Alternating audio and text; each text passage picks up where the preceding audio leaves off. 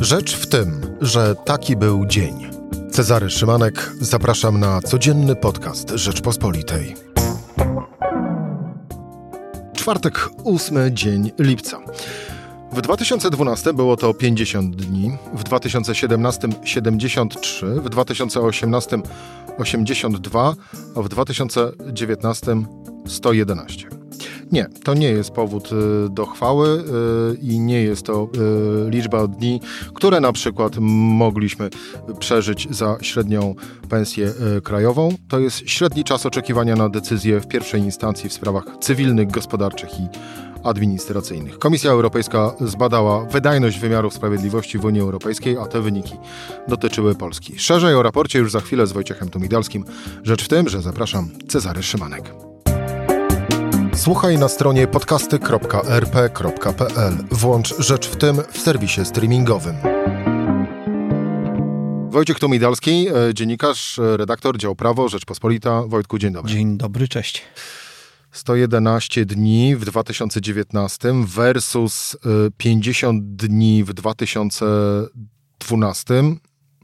Delikatnie rzecz ujmę, to nie jest powód do dumy. No nie, nie jest. Mówisz bowiem o tym, jak szybko e, trwało postępowanie sądowe, jak długo trzeba było czekać na orzeczenie w pierwszej instancji sądowej. I rzeczywiście no, porównają, porównując te dwie daty, 2012 i 2019, to y, długość ta wzrosła dwukrotnie. Ponad dwukrotnie. Ponad dwukrotnie, tak. Średnia, na pewno były szybsze, są też z pewnością dłuższe, e, dłuższe postępowania sądowe, a dodajmy jeszcze w tym miejscu, że e, to nie jest, e, to w ogóle ten odczyt nie obejmuje pandemii.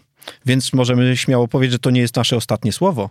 No właśnie, bo jeżeli nałożymy na to e, jeszcze pandemię, to zaraz się okaże, że jest e, jeszcze no jest. gorzej. Ale dobrze, to nazywając rzecz w takim razie po imieniu, bo na początek zacząłem bardzo delikatnie, że nie jest to powód e, do, do dumy, no to nazwijmy rzecz po imieniu. To jest tragiczny obraz polskiego wymiaru sprawiedliwości. Szczególnie, no właściwie w każdym wypadku, szczególnie jeżeli chodzi o sprawy cywilne, gospodarcze, administracyjne, ale na przykład przekładając to na kwestię prowadzenia biznesu, a to jest postępowania gospodarcze są e, brane pod uwagę właściwie w większości wskaźników, którymi e, posługują się e, zagraniczni inwestorzy, rozważając inwestycje w Polsce, mm, no to jak spojrzą na to zestawienie, to tak naprawdę się popukają w czoło tutaj, w Polsce. No i właśnie mamy problem. Rzeczywiście kłopot polega na tym, że e, dostarczyliśmy sami no, obowiązkowo tych danych statystycznych do e, badania przez europejskie instytucje, jak wygląda sytuacja w kraju. E, większość państw wspólnoty też dostarczyło, nie wszystkie, ale ale, ale no cóż, mamy taki problem, że inwestorzy to widzą i decydują, tak? I patrzą, że albo można, albo nie można. U nas raczej nie można i jeśli szukaliśmy dowodu jakiegoś na to, że reformy ministra Ziobry Zbigniewa mm, no, nie przyniosły skutków, to właśnie go mamy ostrzeżenia pierwsze już było widać przed rokiem, bo no, cytowałeś te wskaźniki z poszczególnych lat. 82 No i to już było też kiepsko w porównaniu z tym 2012 rokiem. A, a nawet gorzej niż w 2017 A teraz to wzrosło, roku. tak. Wojtek, no e, mówisz o reformie, ja bardziej to, co się dzieje w wymiarze sprawiedliwości nazywam, e, i to też chyba na wyrost, zmianami, bo tak naprawdę to jest... Nie no, są to zmiany, tylko tak. no, wiemy, w którą stronę. To nie reforma. E, główny winowajca to minister Zbigniew Ziobro? Znaczy, wiesz, no główny, nie główny, to on jest autorem y, tych koncepcji. E, prezes partii rządzącej ma do niego zaufanie na tyle duże, że pozwala mu nadal realizować jego pomysły. Choć y, zauważyłem coś ciekawego w ostatnich dniach, kiedy doszło do tego tragicznego w skutkach wypadku drogowego y, koło Stalowej Woli, koło Stalowej Woli gdzie e, no, w wyniku śmierci tej rodziny z dzieckiem tam pojawiły się nowe pomysły na zaostrzanie przepisów. Zwróć uwagę, że w pierwszej kolejności to premier Morawiecki z ministrem zdrowia Niedzielskim prezentowali, e, pre, prezentowali koncepcję no, dalszego zmieniania prawa w takim kierunku, by je zaostrzać, by większe świadczenia mogły trafiać do poszkodowanych. Tym razem to nie minister Ziobro, który zwykł w, poprzednio w pierwszej kolejności z takimi pomysłami wyskakiwać, prezentować je. Często na tych prezentacjach się kończyło, bo to potem gdzieś utykało w różnych sejmowych tam czeluściach i długo te projekty nie, nie, nie, nie widziały światła dziennego, nie wszystkie weszły w życie. Było ich tak wiele szczątkowych, drobiazgowych, że trudno dzisiaj niestety o jednolitość tego systemu prawnego, który e, w niektórych momentach ma nieuzasadnione niczym wyskoki, gdy chodzi o sankcję karną. E, no i to rodzi taką wewnętrzną niesprawiedliwość systemu, prawda? I tu rzeczywiście istnieje pewien kłopot. A wracając do postępowań sądowych i czasu ich trwania, e, no to ten miernik utrudnia nam w ogóle dochodzenie czegokolwiek w sądach to powoduje, że wiele biznesów się nie udaje, bo mając z tyłu głowy, że to się może skończyć w sądzie, no to przedsiębiorcy nie ryzykują, tak? Długość postępowań sądowych to jest coś, z czego powinniśmy rozliczać nasze władze i tym razem to nie sądownicze, bo bardzo łatwo jest potem wytknąć palcem, że o proszę bardzo, e, sędziowie sobie nie radzą, więc teraz zmieńmy coś jeszcze. Ale przecież oni sobie nie radzą dlatego, bo wcześniej tak nagmatwano, tyle nazmieniano, że oni teraz mają ten problem, by e, po kilku czy kilkunastu zmianach przepisów przeanalizować cały stan prawny i wybrać ten właściwy dla rozstrzygnięcia w danej sprawie. To wyobraź sobie, jak to komplikuje w ogóle orzekanie. No. Wracając do, e, na chwilę do owego wypadku pod Stalową e, Wolą, tutaj też e, to były większość komentarzy byłych policjantów, którzy zwracali uwagę, że tak naprawdę niekonieczna nam jest zmiana i zaostrzenie legislacji dotyczącej e, karania sprawców e, wypadków e, drogowych pod wpływem alkoholu, a tak naprawdę potrzebne jest nam właśnie przyspieszenie postępowań sądowych no tak. w tych wypadkach. I jak to zrobić? Mówimy tu o sprawach karnych tym razem, prawda? Bo to jednak mhm. no, wypadki będą sprawami karnymi, tak więc to ten raport tego nie obejmuje, ale no, mam złe wiadomości. W sprawach karnych również nie idzie szybciej i to szczerze mówiąc z tych samych powodów, co w poprzednich. Wojtek, y, co jeszcze jest w raporcie dokładnie? No w raporcie raporcie jeszcze opisano, e, jak się, co się dzieje ze sprawami konsumenckimi. Tu też mamy wyskok, gdy chodzi o długotrwałość postępowań w, w ostatnim roku w Polsce. E, no to podejrzewam, że zalew e, sądów sprawami frankowymi do tego doprowadził, bo rzeczywiście po orzeczeniu TSUE odpowiadającym na pytanie prejudycjalne, jak traktować te umowy frankowe, no to kolejnych całe mnóstwo pozwów wpłynęło do sądów i no nie wiem, jak długo poczekamy na ich rozstrzygnięcie.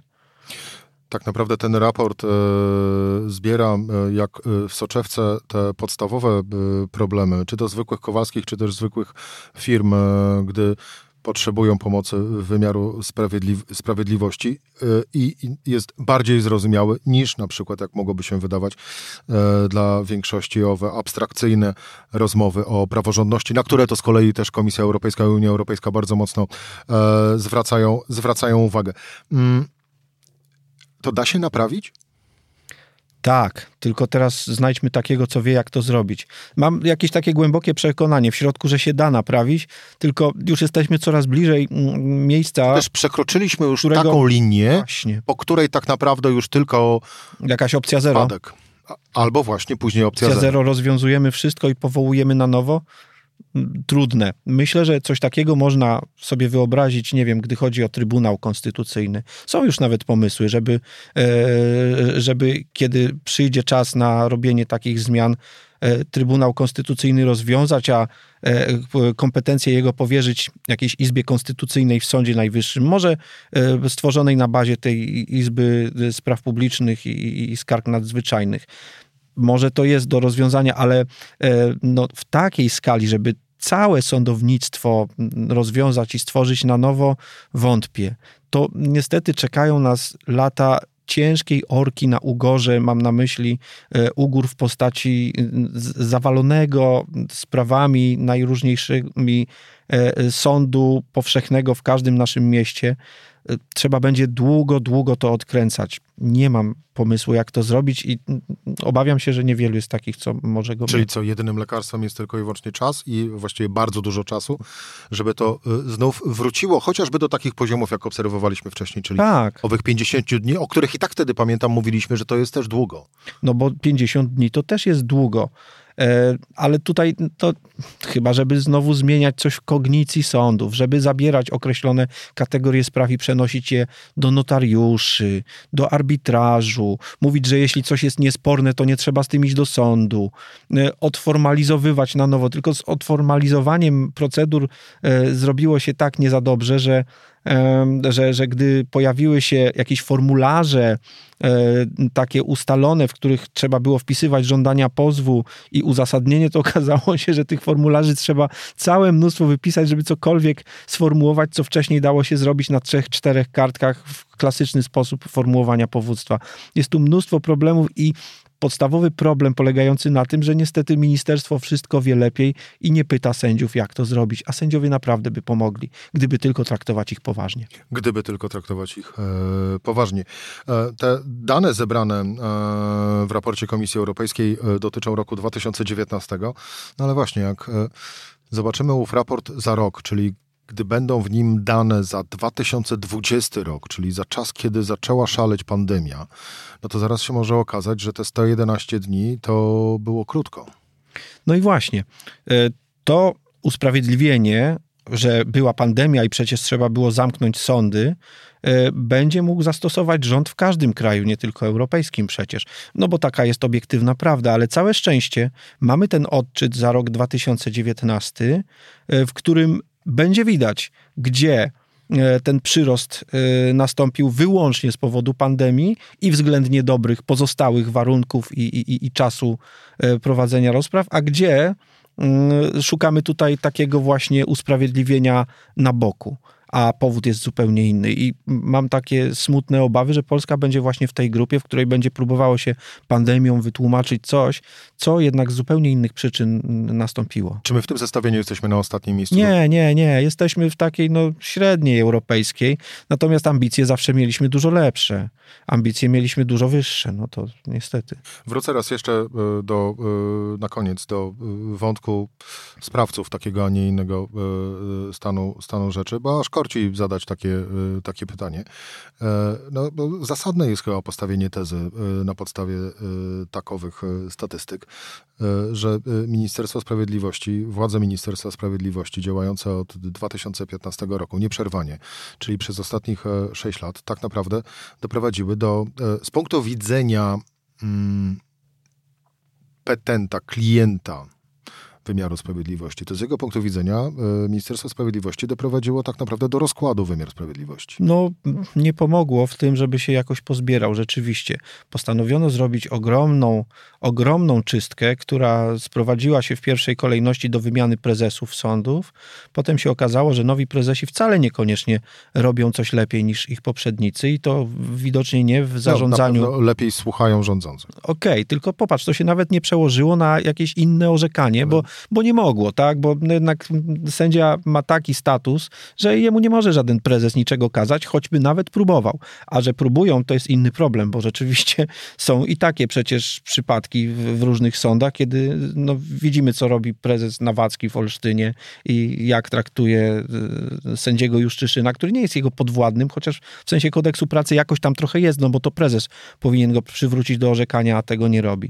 Y, no, widzimy, co robi, nie wiem, Izba Dyscyplinarna Sądu Najwyższego, e, która jak gdyby nigdy nic, po prostu zabroniono jej, zabroniono jej e, e, sądzenia dyscyplinarnego spraw sędziów, ale sprawy prokuratorskie, jak na przykład prokuratora Parchimowicza, prowadzi. Sprawy adwokackie prowadzi, sprawy immunitetowe prowadzi, a to jest, wydaje mi się, nawet większa ingerencja, bo można sędziego pozbawić immunitetu i odsunąć od orzekania, a jednak oni to robią, tak? To, jest, to trochę przypomina tą anegdotę, jak Tuwim ze Słonimskim rozkładali na czynniki pierwsze rotę Marii Konopnickiej, nie będzie Niemiec pluł nam w twarz. I stosując rozumowanie prawnicze a contrario, czyli przez przeciwieństwo, wyszło im, że w twarz, że Niemiec może pluć wszędzie, byle nie w twarz, a pozostałe narodowości to nawet w twarz mogą, prawda? Więc to jest rozumowanie a contrario posunięte do absurdu i mniej więcej coś takiego zrobiła Izba Dyscyplinarna, no, prowadząc postępowania, chociaż w gruncie rzeczy nie powinna. To chyba właśnie, westchnięcie jest jedynym chyba i właściwym e, komentarzem do zaistniałej sytuacji, bo z drugiej strony e, głosy krytyki e, tego, co się dzieje w wymiarze sprawiedliwości słyszymy przecież na, na co dzień na naszym własnym, własnym podwórku. Na koniec, minister Ziobro, jak rozumiem, nie przejął się i nie zareagował. No nie, a jeśli zareaguję, to nawet mogę się domyślić, co powiem. Mniej więcej to, co przy każdym wyroku, takim jak, y, jak, jak gdy chodzi o sędziów, tych z Kielc, odsuniętych, y, pozbawionych funkcji wiceprezesów sądów, powiedział, że to jest wyrok, który rażąco wkracza w swobodę państwa, kształtowania ustroju sądów i tak dalej. No, y, poza tym, rozumiem, będzie się też zasłaniał oporem środowiska sędziowskiego, niechętnego zmianom, no, bo no, no, nie ma chętnych do zmian, które nie po poprawiają sytuacji, to nawet się nie dziwię. No. Wojciech Tomidalski, e, dziennikarz, dział prawo, Rzeczpospolita. Wojtku, dziękuję Ci bardzo za rozmowę. Do usłyszenia. To była Rzecz w tym w czwartek. Cezary Szymanek. Do usłyszenia po weekendzie.